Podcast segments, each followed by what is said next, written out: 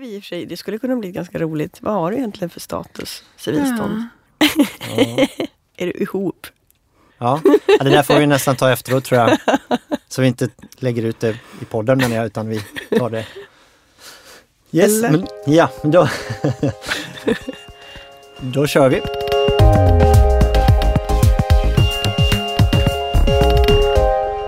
Hej och välkomna till Jusek-podden, en podd om arbetsliv och arbetsrätt.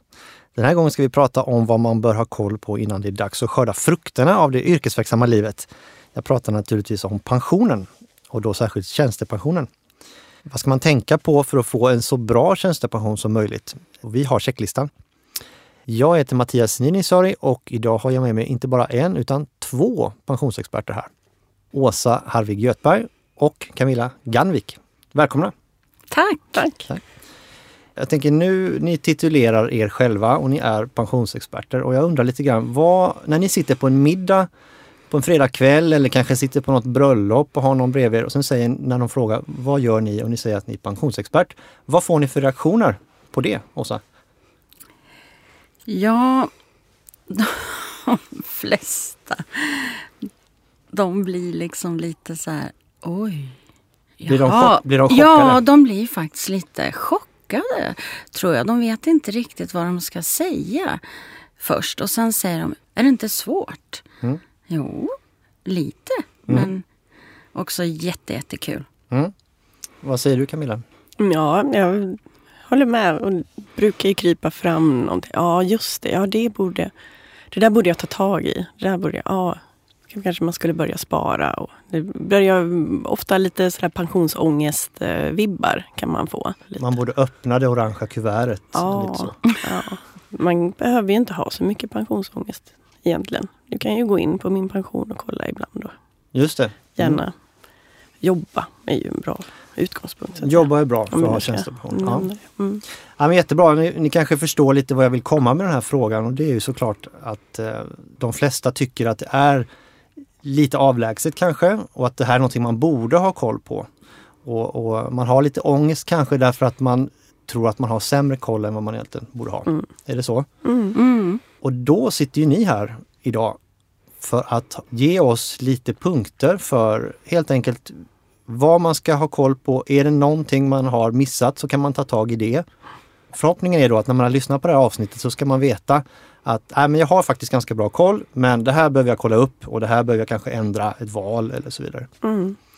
Och vi återkommer som sagt med en checklista för det. Men först så, så tänkte jag att vi ska börja ge lite grunder, lite definitioner just för att eh, det kanske, man har lite olika kunskaper beroende kanske på hur länge man har jobbat eller om man är nära pension eller om man precis har, har tagit sin examen och börjat jobba. Så jag tycker vi börjar med att, att ta ut, reda ut lite sådana här vanliga begrepp så att alla är med på tåget så att säga. Först ska vi säga också att eh, vi ska ju inte prata om all pension utan vi ska ju prata om tjänstepension. Ja, du kanske kan börja och berätta lite grann den här, vad består pensionen av? Ja, Camilla? eh, som du säger Mattias, vi ska ju prata, vi ska ha vårt fokus på tjänstepension och framförallt kollektivavtalade tjänstepensionen. Det är, är, är ju en väldigt viktig del. Men det är ju, man kan ju säga att det är ju ett komplement. Man har ju, så länge man har jobbat och betalat skatt på sitt arbete, jobbat vitt, då tjänar du in till den allmänna pensionen som är grunden. Det är det som Pensionsmyndigheten administrerar och man kan få information därifrån. Eh, Och sen den kollektivavtalade tjänstepensionen blir ju ett komplement till det. Och det är väl det som vi tänker prata mest om. Man brukar ju se den här triangeln. Kan ni beskriva den där för de som lyssnar? Mm. Då börjar du precis längst ner. Basen i triangeln är ju som Camilla sa den allmänna pensionen. Eh, allt som, all lön som du betalar skatt på och jobbar vitt, då eh, tjänar du in inkomstpension och premiepension. Och det mynnar ju ut i det orangea kuvertet. Och sen om du arbetar hos en arbetsgivare som har kollektivavtal så har du tjänstepension. Eh, och sen, det är liksom mitten av triangeln. Och högst upp i triangeln kan du ha eget sparande. Man sätter av lite fonder själv till exempel i, hos, ja, via banken. Ja, olika former av sparande. Mm. Sen kan man ju fundera tycker jag på om man ska verkligen för många av våra medlemmar så skulle jag nog vilja säga att det kanske inte är en sån regelrätt triangel det där utan den kollektivavtalade tjänstepensionen är i många, många gånger betydligt större än om du har en triangel framför dig. Så har du basen som att den är väldigt stor och sen blir det mindre när du tittar på kollektivavtal och tjänstepensioner. Sen blir det ännu mindre när det är eget sparande.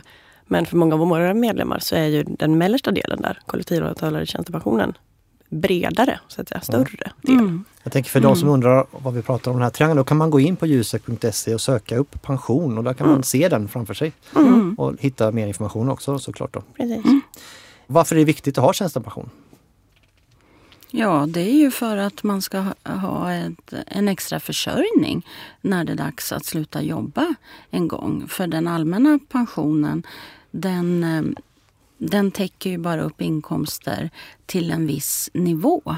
Och den nivån är sju och ett halvt inkomstbasbelopp. Det är ungefär 40 eh, 000 i månaden va? Nu? Ja, ja. Eh, och så tjänar kanske... man mer än 40 000 då, då börjar det bli viktigt. Med. Precis, och den gränsen är ju till och med ännu högre nu. Det är 43 300 kronor ungefär. Och man behöver tjäna ännu, lite mer, 8,07 inkomstbasbelopp om man ska vara petig. Eh, jag kan ju inte låta bli att säga det då som lite nördig Nej. pensionsexpert. Upp med siffrorna på bordet mm. helt enkelt. Ja, för jag, det är jättebra att hålla koll på det här med inkomstbasbeloppens utveckling i samhället. Hur man ligger till där med sin månadslön i relation till det. För de här basbeloppen ändras ju varje år. Och det är ju våra olika socialförsäkringar som bygger på det. Och inkomstbasbeloppet är, en viktig, är ett viktigt basbelopp att hålla koll på när det gäller pensioner. Men man kan läsa mer om det på vår hemsida också mm. om man vill veta mer. Eller ringa dig så berättar du gärna Absolut. mer om basbeloppet. Man kan, Jättegärna. Kanske en middag. Ja, Diskutera kanske det. Jag vill en middag. Ja. ja. Mm. Låter bra. Så det är viktigt att ha en tjänstepension därför att den allmänna pensionen kanske inte räcker så långt som man skulle vilja. Eh, har jag förstått det rätt då? Ja. Det, det handlar ju om hur vill jag att mitt liv ska se ut den dagen jag slutar jobba och jag slutar få månadslön. Då kommer det bli ett glapp, då kommer jag få mindre pengar. De allra flesta kommer få mindre pengar. Hur länge kommer jag ha de här, de mindre pengarna? Det beror på hur länge man har tänkt leva. Det är inte alltid man kan bestämma det. Men det, blir, det är ju ofta den eh, det är liksom glappet däremellan som man behöver ha koll på när man närmar sig pension. När jag går i pension, hur mycket kommer jag då ha?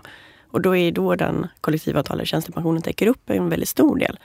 Om man har haft lön som ligger över 43 ungefär, då, mm. som det är idag. Mm.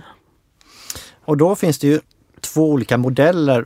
En förmånsbaserad och en premiebaserad modell. Kan vi berätta lite om skillnad? Vad är det för skillnad mellan de här två? Vilka har vilken modell? Mm. Det där eh, kan vara lite krångligt för det kan variera mellan olika branscher på arbetsmarknaden, olika arbetsmarknadssektorer. Så att eh, det är bra om man har lite koll på. Men om man ska säga, om, eh, bara börja med vad begreppet förmånsbestämd pension står för, så är det att har du det så har du ett löfte att den dagen du ska gå i pension och just nu då är de eh, tjänstepensionerna är 65 år så får du en viss andel av din slutlön i pension. Det vet du redan idag fast du kanske är 48 år eller 32 år. Då vet du att när jag går i pension när jag är 65 år då får jag en viss andel av min slutlön i pension. Eh, det vet du. Det brukar handla ungefär om drygt 60 procent av det man har i slutlön. mm, roughly. Vi pratar ju såklart väldigt förenklat nu då. Precis. Och om man då jämför med premiebestämd pension. Det betyder då att det betalas in en premie av lönen, av din månadslön varje månad. Eh, den kontant utbetalade bruttolönen brukar det vara eh, då.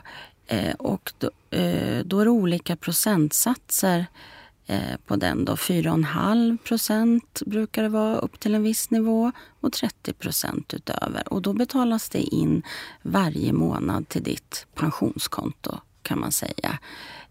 Så då vet du hur mycket pengar som betalas in varje månad men du vet inte vad, vad det blir den dagen du ska gå i pension. För det blir vad det blir. Det beror på hur eh, pengarna har växt. Hur väl den, den här banken eller försäkringsbolaget eller vad det nu är har lyckats ehm, eh, förvalta dina pensionspengar. Mm. Det vanligaste tjänstepensionen, en av de vanligaste om man är på privat sektor, det är ITP. Mm. ITP 1 och ITP 2 Mm. och då är det ITP 2 som är den eh, förmån, vad kallar du för? Förmånsbestämda, Förmånsbestämda pensioner. pensionen och ITP 1 är den premiebestämda. Precis, så man kan ju säga att allt som heter något med två efter, då är det förmånsbestämd. Och heter det ett så är det premiebestämd. Åtminstone inom privat sektor Mm. så är det så. Och hur är det inom eh, offentlig sektor, Camilla? Ja, om man börjar med staten så blir det lite extra roligt för då är det ju många av våra medlemmar där som har en andel som är premiebestämd och en andel som är förmånsbestämd.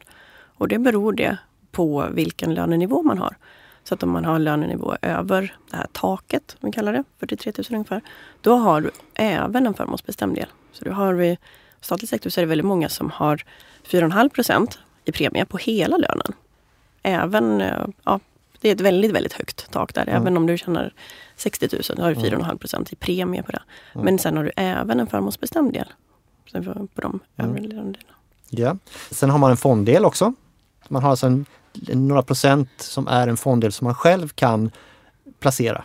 Så om man är lite intresserad kan man gå in och byta fonder och, och välja i vilka branscher och marknader man ska placera i, eller hur? Ja, men det är utifrån eh, man kan inte välja precis hur som helst utan vi då, fackförbunden och arbetsgivarorganisationerna har bestämt vilka man kan välja utifrån eh, för att det ska bli så bra som möjligt för våra medlemmar. Att man ska få så mycket pensioner som möjligt. Och dessutom förhandlat upp de här så det är låga avgifter på fonderna, eller hur? Exakt, det är jättelåga avgifter. Och i alla de här delarna som är valbara så finns det ju också ett förvalsalternativ och ett icke-valsalternativ. Mm, absolut. Bra. De är framtagna utifrån en tanke om att personer som kanske har andra intressen i livet än just fondplaceringar Nu förstår jag inte riktigt vad du menar här. ska ändå kunna få bra pensioner. Ja. Så att man måste heller inte göra, man behöver inte vara jätteintresserad av Det här aktier kanske tar bort en del ångest tänker jag hos vissa som tänker att om, om man då, om man faktiskt om man låter det vara som det är i de här förvalsfonden Ja. så blir det ganska bra ändå. Det är i alla fall tanken att det ska Mm. vara det. Och man kan väl också säga när man har tittat på det så kan man säga att de, man behöver, ska man göra de här valen, då gäller det att man gör dem flera gånger. Jag tror att det är i det allmänna systemet. Så finns det ju också den premiepensionen där. Det man har sett är ju att de som har valt en gång men aldrig mer. Där finns det, liksom, där finns det lite risker. Mm. För även där då, där måste man inte välja utan det finns det här SOFA, är många som har hört talas om. Det är ju det här icke-valsalternativet. Mm. Så ska man välja så ska man nog veta att då är, då man ska välja för att man vill välja. Man vill bli intresserad av detta och man vill lära sig mer. Men välj i så fall, se över det där sen en gång om året. Välj inte en gång och sen aldrig mer. Bra tips. Bra tips. Löneväxling, vad är det för något? Ja, det är ju att man då kan avstå en del av eh, lönen före skatt och placera till tjänstepension istället. Och det kräver då att din arbetsgivare säger okej till det, att de vill det. Och eh, att de kan, har möjlighet att erbjuda det. Men då är det också viktigt att man eh, får full pott i den allmänna pensionen först. Som jag brukar säga och då är det ju då över 43 000 kronor ungefär då i månadslön som man ska ha. Och sen så är det också viktigt att man tänker på hur just den tjänstepensionsplan som du går på, hur påverkar det eh, den tjänstepensionen om du eh, får en lägre pensionsmedförande lön som det heter. Är det bra för dig eller är det inte bra för dig? Så att man har lite koll på det. Men det innebär ju då att man, man får in mer eh, pensionskapital. Man en väljer att- kompletterande tjänstepensionspremie. Just det. Man väljer Mm. alltså att avstå den lönen man skulle få och sen ta några tusen eller ett antal tusen kronor och sen stoppar man in, ber man arbetsgivare att stoppa in den i pensionsavsättningar, göra pensionsavsättningar istället. Precis, Mm. det var bra sagt. Och sen då att man sätter in det då i den rådande tjänstepensionslösningen. Mm. så man får tillgång till de låga avgifterna. Just det. Mm. Så att det inte är så att man får den att gå ut på stan med det och sätta in var som helst kan ju bli lite det kan ju bli väldigt höga avgifter för en relativt lågt kapital. Mm. Det ska in i den tjänstepensionssystem man har. helt enkelt. Ja, och alltid det här 43 000 som Åsa mm, pratar om. Rådande, det är 8,07 inkomstbasbelopp. Mm. Man också hålla koll på då varje år att efter växling så ska man fylla upp till 8,07 inkomstbasbelopp. Så delar som överstiger det kan man ju växla in utan att det påverkar den allmänna pensionen. Bra, men då tycker jag vi har en ganska bra bas. Då har vi gått igenom. Ja, vi har i och för sig, vi har ju det här med återbetalningsskydd och efterlevandeskydd. Kan man säga någonting kort om det bara? Mm. Först så skulle jag vilja börja att säga att eh, i de kollektivavtalade tjänstepensionerna är det inte bara en tjänstepensionspremie som betalas för dig varje månad utan det finns även ett försäkringsskydd. Eh, till exempel om du blir långvarigt sjuk så får du en komplement till sjukpenningen. Men det finns också då något som kallas efterlevandeskydd. Kan det heta? Det kan också heta... Kan eh, familjepension ibland också? Va? ja, Lite äldre avtal. ja, och det- efterlevande pension. Och, Ja, och det innebär då att till exempel om man dör före 65 år så kan man ha ett extra skydd för att säkra försörjningen till sin familj. Ehm, och eh, det kan vara ett efterlevande skydd till exempel. Att det är en extra försäkring för dem. Och ibland ingår det i eh, tjänstepensionen. Det ingår liksom, det är default. Och ibland så kan man välja det. Eh, och, och då kostar det inget förutom att man får en lite lägre pensionspremie inbetalad till sin pension varje månad. Så kan det vara. Vad är återbetalningsskydd då? Återbetalningsskydd då, det kan man ju säga att det har ju att göra med, det kan ju antingen i olika avtal så är det antingen default som att det är tillvalt eller så måste man välja till det. Och om du har det, då innebär det att om du, när du, när du dör, då får dina efterlevande ta del av dina pensionspengar istället. Och det låter ju bra så, om man har efterlevande överhuvudtaget. Och om man har efterlevande som behöver den här extra ekonomiska förstärkningen. För man får ju också betala lite grann för det. Till exempel kan man säga att om jag är en person som har ett sånt här återbetalningsskydd, då får jag inte ta del av andra personers pengar som dör som inte har skyddet. Så om jag har det, då går ju det till mina efterlevande. Om jag inte har det, jag kanske inte behöver det, mina barn kanske tjänar mer än vad jag gör. Då, då kan jag välja bort det, eller om jag inte väljer till det, då, då måste man titta respektive villkor, vad som är default eller inte. Men om jag inte har det, då innebär ju det att när andra personer på mitt födelseår, när de avlider, och de som inte då har valt till återbetalningsskydd, då får jag ta del av det. Någon, en slags arvsvinst. Så det gör ju att, jag kan få, att du får mer i pension om du inte har ett återbetalningsskydd. Så där är det, man kan inte säga att det är bra att ha det eller bra att inte ha det, utan det beror på din ekonomiska situation. Man behöver vara medveten om att man får betala lite grann för det. Just att se, behöver mina efterlevande detta? Eller behöver jag pengarna bättre själv? Men man kanske skulle kunna tänka då att eh, om man har eh, små barn eller mindre barn som, som inte kommer kunna börja jobba på ett bra tag, att det blir som en extra försäkring då, att de får lite mer pengar att leva på av min pension då, om jag dör. Är det så? Ja, så kan man ju tänka. Och om man lever tillsammans med en annan person så också se vad har den personen för ekonomi. Och det är väl också bra, tycker jag i alla fall, att gå igenom det här tillsammans. Det skulle ju vara rimligt om Ja, det kanske inte ska vara det så att den som tjänar, har lägst lön har ett återbetalningsskydd. Mm. Den som har högst lön inte har det. Så det behöver inte vara ett medvetet val att man hamnar i den situationen. Men man kanske jobbar i olika branscher. Olika avtal har olika som default. I kommunal sektor till exempel så är det ju default att man har återbetalningsskydd. Okej. Precis, det är ju jättebra att gå igenom det här med jämna mellanrum med sin partner om man har någon eller, eller för sig själv. Och jag brukar Ja. göra det i samband med att jag deklarerar. Mm. Det tycker jag är jättefiffigt att göra när man ändå håller på med det.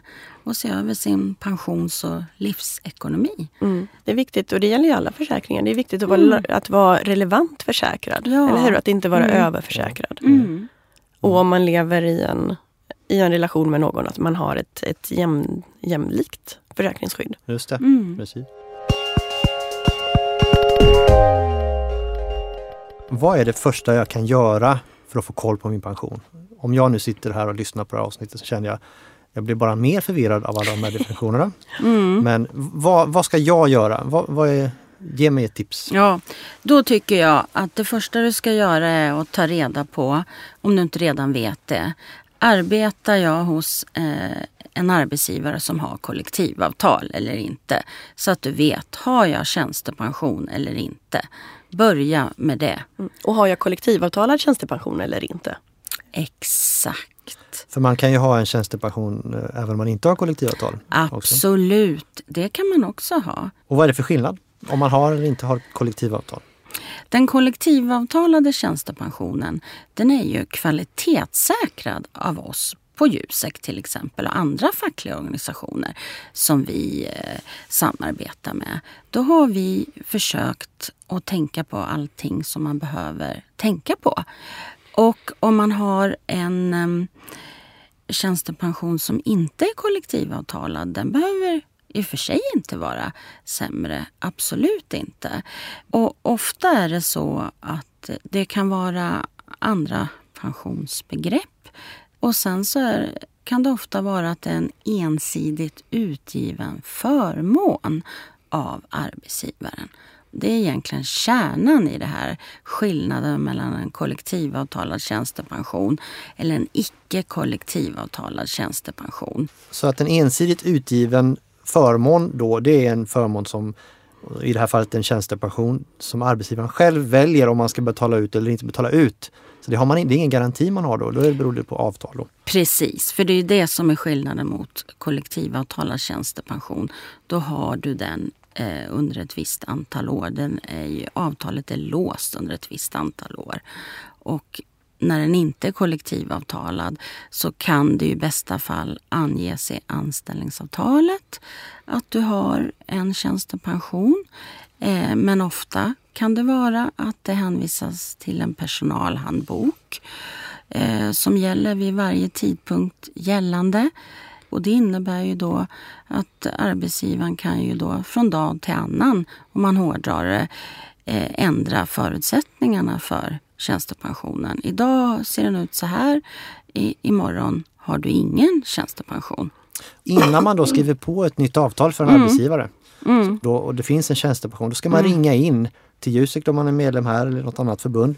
Sen ska man be, be det förbundet att granska anställningsavtalet så att villkoren för den här tjänstepensionen är, är, ser bra ut, okej. I alla fall inte är dåliga utan är okej, som man kan leva med. Ja, Är det bra? ja, Och det är väl också det att det är ju, för de, i de kollektivavtalade tjänstepensionsavtalen så är det ju inte bara det är inte bara premien då som man tittar på utan det är ju som, eh, som vi pratade om tidigare, då är det kopplat till låga förvaltningsavgifter. Mm. Och det är stabilt, det är säkra förutsättningar för det. Och det innehåller ju även andra försäkringsförmåner Mm. som vad vi kallas olika i olika avtal men olika former av familjeskydd som träder in för det fall man, för det fall jag som är anställd dör så kan mina efterlevande få ett visst mm, belopp som en slags livförsäkring eller liknande. Så det finns ju, och även ersättning om man är sjuk kan det ju också finnas. Ja. Så det, vi, vi är en, det är ett större paket i de kollektivavtalade tjänstepensionerna än vad det åtminstone brukar vara i tjänstepensioner som inte är kollektivavtalade. Men vi ger något tips att titta vidare på så finns ju fortfarande den här webbsidan Pensionsplagiaten som PTK tillsammans med Mm. Ja, Alekta har gjort. För gjort jättepedagogiskt beskrivet Mm. vad utifrån en viss månadslön och så olika alternativ då om du har kollektivavtalad tjänstepension, i det fallet ITP 1 Mm. är det man har jämfört med. Och olika vanligt förekommande tjänstepensioner som inte är kollektivavtalade. Och sen även fallet när du inte har någonting alls. Mm. Hur mycket behöver du då ha högre i lön? För det är ju det man kanske, arbetsgivare kanske lockar med, men här får du fantastiskt hög lön. Ja men vad är det som ligger mer? Vad är, vä- Värdera tjänstepensionen är ju inte alltid så enkel. Men där på tjänste... Mm. Pensionsplagiaten heter den, eller hur? Precis, Där det kan man är få helt en bra, rätt. De har räknat på det på ett bra sätt. Och en annan sida får jag tipsa då. Mm. Kne- knegdeg är också eh, en sida som Ja. PTK som är Mm. jättebra. Just det. Eh, sen har vi även den här minpension.se. Precis. precis. Vad är den till för? Kan Ja. du berätta? Det är ju en jättebra sida skulle jag säga för att gå in och se vad, för att få en första överblick Mm. av min pension och även min tjänstepension. Och då behöver man ju veta att min pension har ju som ambition att man ska kunna se, alla ska kunna se sina tjänstepensioner där. Men den är inte, den är inte helt fullständig utan man behöver kolla. Jag brukar rekommendera medlemmar som vill ha lite koll att gå in på min pension ibland. Särskilt om man har bytt jobb för att se att det har kommit in där. Att den, att den liksom har registrerats där. För att det är mycket lättare att se nu 2019 att 2017 jobbade jag ju där. Hade jag ingen tjänstepension där? Att man, så, att man, så att man vet att den har följt med. Det är betydligt svårare att se det om 30 år. Då Just kan man se det, men det är mycket svårare att reda ut det. Det kan ju vara så att man har haft rätt till en tjänstepension som faktiskt arbetsgivaren av förbiseende eller av misstag inte har betalat in. Och då är det lättare att rätta till det om det inte har gått 30 år. För sådana ärenden f- får jag, Jag gillar inte till de mig. ärendena, kan jag säga. Nej, Nej. Och vi, vi, vi har ju sådana på, på, på Jusek Mm. ibland, ibland när det har blivit det har blivit lite fel av olika orsaker. Och då är det jättebra att liksom checka av det där under sitt arbetsliv. Och sen vill jag ju säga då med min pension att den visar ju då Eh, den visar ju eh, den allmänna pensionen, inkomstpensionen och premiepensionen. Och sen kan man ju även lägga in om man har eventuellt eget pensionssparande på något vis kan man ju registrera det. Och sen så kan man ju laborera jättemycket där och göra prognoser. Alltså, så här tror... Om jag går i pension när jag är 62 år, eh, vilken pension kommer jag att få då? På ett ungefär. Minpension.se. Mm. Sen har vi även eh, om man har ITP, då har man ju även PTKs rådgivningstjänst. Då kan man ju ringa dem.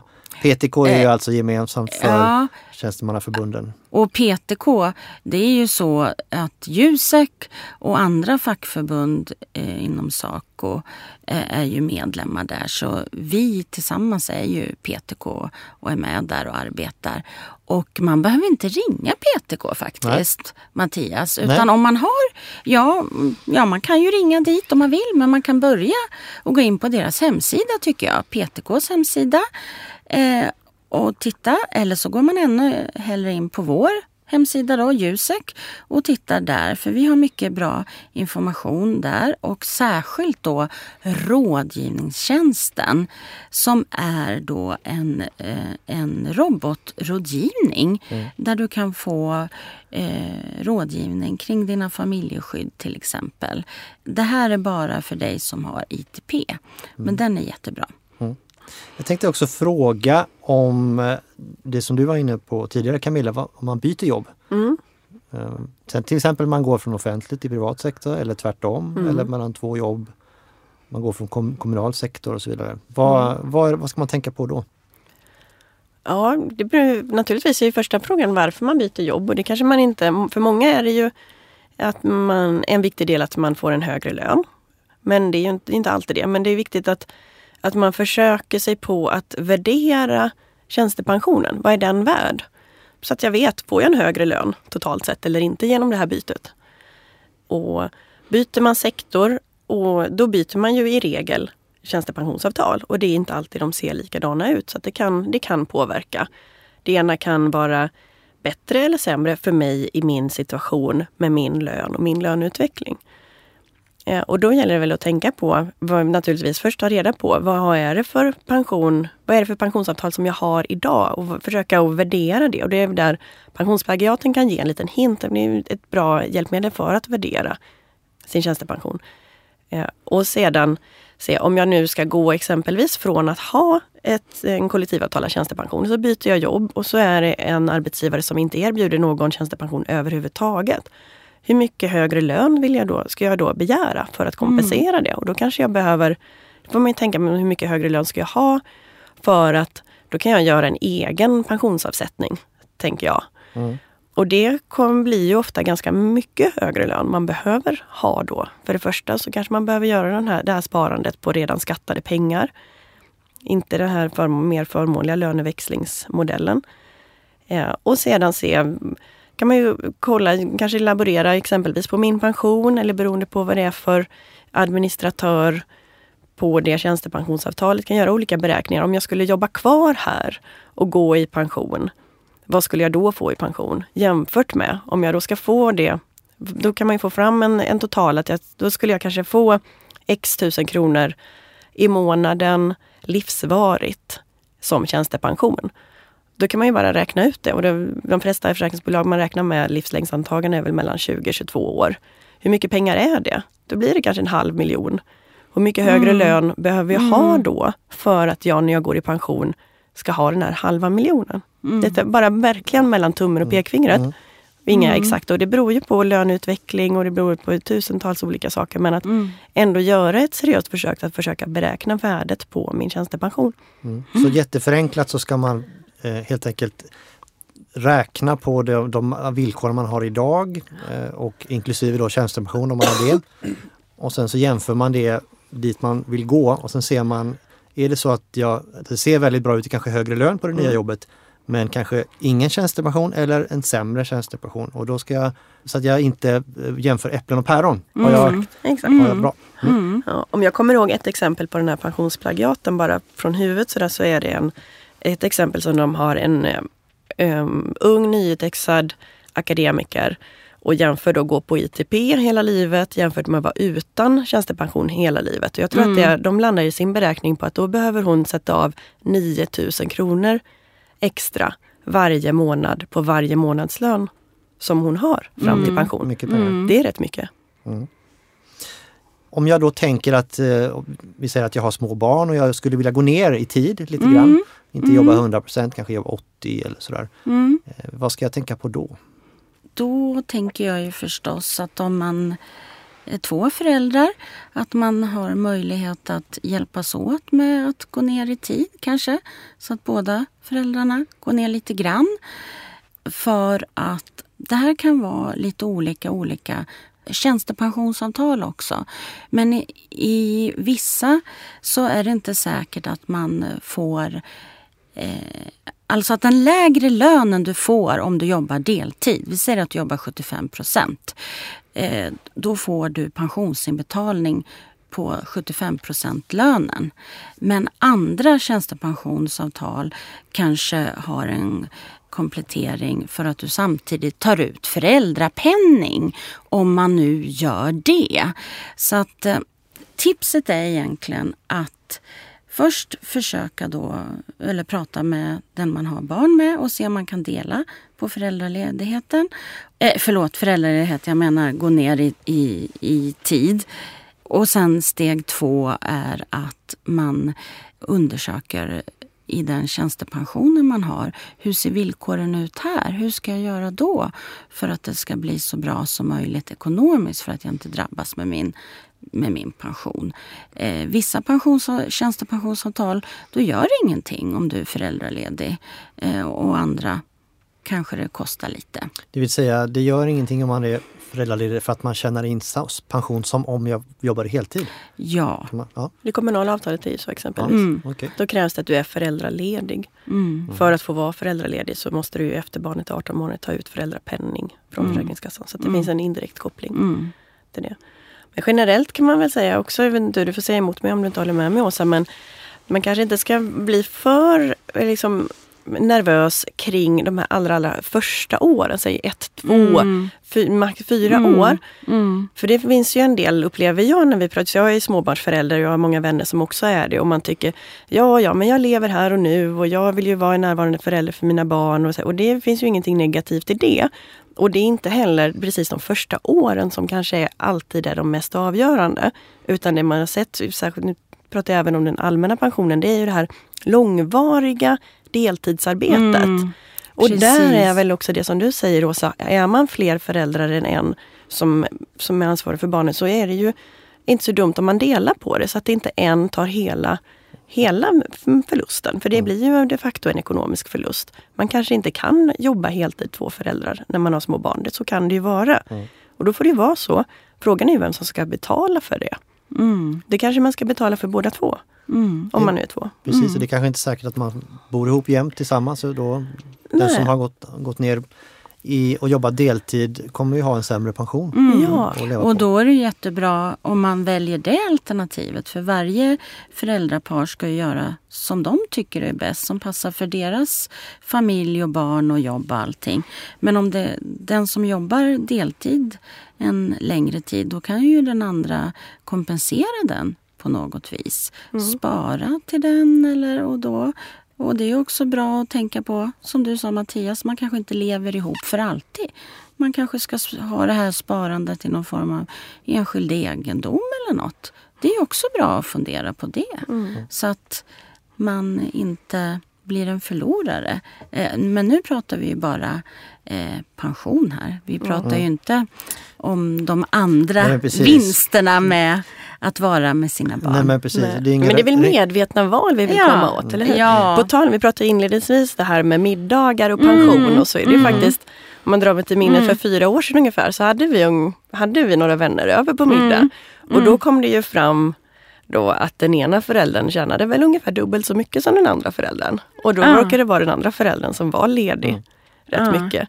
Och de visste inte, de visste inte om att att man faktiskt kan spara. Då kan ju den högavlönade föräldern spara. Dels så kan man ge det allmänna systemet för över pensionsrätter. kan man titta på Absolut. Pensionsmyndigheten. Mm. Och, eh, men eh, ja, efter den middagen så började de faktiskt göra ett särskilt sparande för den föräldern som var hemma eh, mer med barnen. Mm. Och som av en händelse så är de faktiskt skilda idag.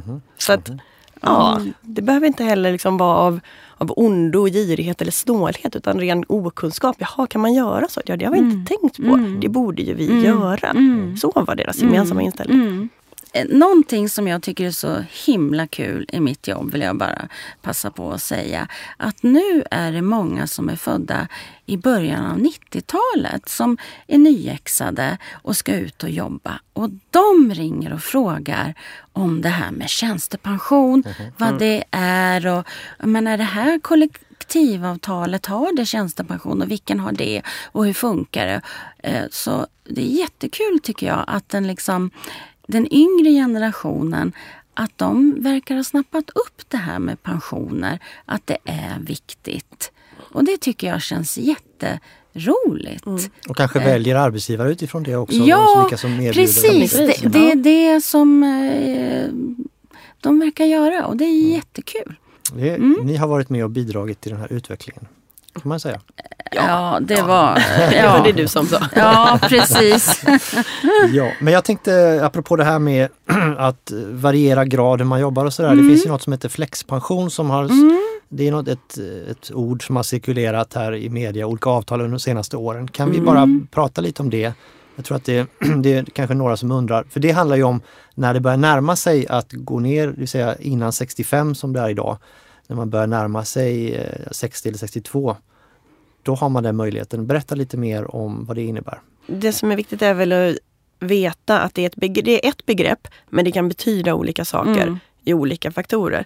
Och i statlig sektor så har vi ett begrepp som är ja, flexpension då. Och då gäller det i det tjänstepensionsavtalet som gäller för de som är födda 1988 eller senare. Mm. Och det innebär helt enkelt att du får en högre premiepension. Eller premie... Det innebär, Avsättning. Precis. Och då är den istället för 4,5 procent så är den 6 procent under tak och 31,5 över tak. Det är en del som är tänkt att finansiera ett flexibelt avslut på yrkeslivet. Så att man själv kan välja, vill jag, gå ner, gå, vill jag gå lite tidigare i pension, då har jag den här delen som kan finansiera det. Eller vill jag jobba längre, jag kanske vill jobba längre än efter 67 till och med kanske då får jag mer pension. Då får jag det som extra premie inbetalt. Men det är någonting som ligger i det statliga tjänstepensionsavtalet. Mm. Och det är unikt för det avtalet. Och det är viktigt att, man, att det är olika saker. Vi ska snart börja komma in på våran eh, checklista. Mm. Eh, Men innan vill jag bara fråga då, hur Hur länge kommer vi behöva jobba i framtiden tror ni? Det vi vet är ju att pensionsåldern kommer ju att höjas successivt. Och när, vi säger, när, jag, när jag säger pensionsåldern då menar jag egentligen den ålder då man tidigast kan ta ut den allmänna pensionen. Planen är ju som det ser ut nu att den ska höjas till 62 år år 2020. Och samtidigt så kommer man ju också då att eh, introducera begreppet en riktålder. Och riktåldern, eh, det menas då att eh, då kommer den här åldern när man tidigast har rätt att ta ut eller får ta ut den allmänna pensionen, den kommer att följa medellivsutvecklingen i Sverige. Så då kommer den att hänga med eftersom att vi vet att vi lever längre och längre nu. Eh, så att hur länge vi kommer att behöva arbeta? Ja, 67 år till exempel. Det är ju nästintill en, en filosofisk mm. fråga. Vilket liv vill jag leva som pensionär? Mm. Vad, är, vad är mina utgifter? Vad behöver jag? Mm. Vad har jag för arbete? Vad har jag för möjligheter att, att jobba på ett annat sätt mm. i mitt nuvarande arbete? Måste jag arbeta nio till fem varje vecka, varje dag? Mm. Det är ju många bland våra medlemmar, vi sett i olika undersökningar, som säger att för att jag ska kunna jobba längre så är en viktig förutsättning att jag får en högre flexibilitet. Mm. Kanske inte heller vill jobba hela året. Mm. Jag kanske vill jobba under vissa månader i Sverige. Andra månader vill jag göra någonting annat. Mm. Så just den här flexibiliteten, att inte jobba precis på samma sätt som de flesta av oss gör idag. Vi lever mm. längre och eh, är också friskare och det kanske också betyder då att vi kommer att jobba längre innan vi går i pension. Ja, och sen är det ju viktigt då att, att vi alla tänker på att vi, vi kommer nog behöva jobba längre. Att man tänker på sin egen hälsa i det här. Mm. Och arbetsmiljön, att man är rädd om sig så man mm. orkar och, och jobba. För det är ju hårt tryck i arbetslivet. Det. Mm. Och det, man ska liksom hänga med hela tiden med allting. Och det är ju en fråga som vi på Jusek har tagit upp mycket med att arbetsmiljön ska vara schysst och okej okay och att man ska orka hela tiden så länge man vill jobba egentligen. Mm. Ja, precis. Ta hand om mm. dig för det tjänar din pension på. Ja, ja absolut. Checklistan då. Mm. har vi, vi satt ju förut här och skrev ihop ett antal punkter. Mm. Tänkte jag, jag, mm. jag drar dem och sen får ni kommentera. Mm. Vad kan jag själv göra för att påverka min pension till det bättre? Mm. Nummer ett, jobba hos en arbetsgivare som har kollektivavtal. Yes, mm. för då får du ju en tjänstepension som är kollektivavtalad. Som är kanonbra. Och du behöver inte bry dig om du inte vill. Fast du ska bry dig lite. Mm. Så att du, du måste anpassa det. Punkt nummer två.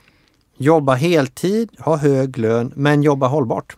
Ja, det är lätt att man blir väldigt krass och ekonomisk i det här. Att man ska jobba heltid, man ska ha en hög lön. Och det kan ju i värsta fall leda till att man faktiskt blir sjuk.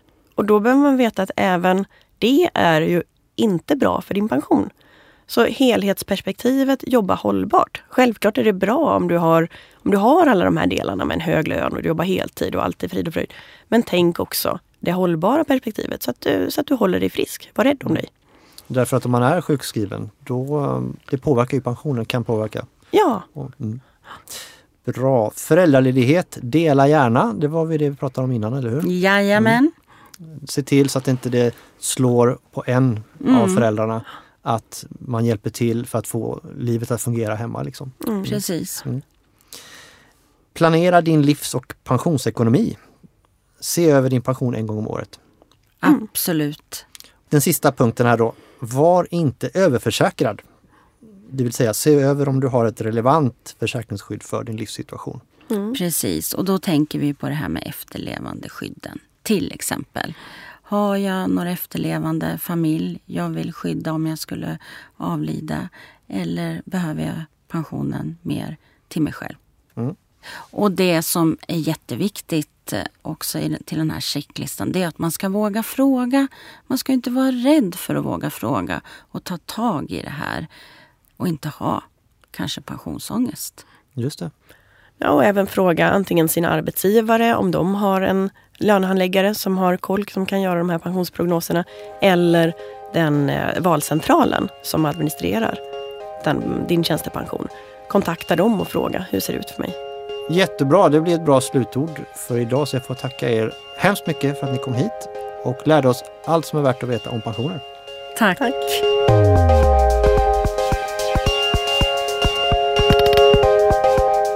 Tack för att du har lyssnat. Om du vill veta mer om Jusek och vad vi gör så gå in på jusek.se.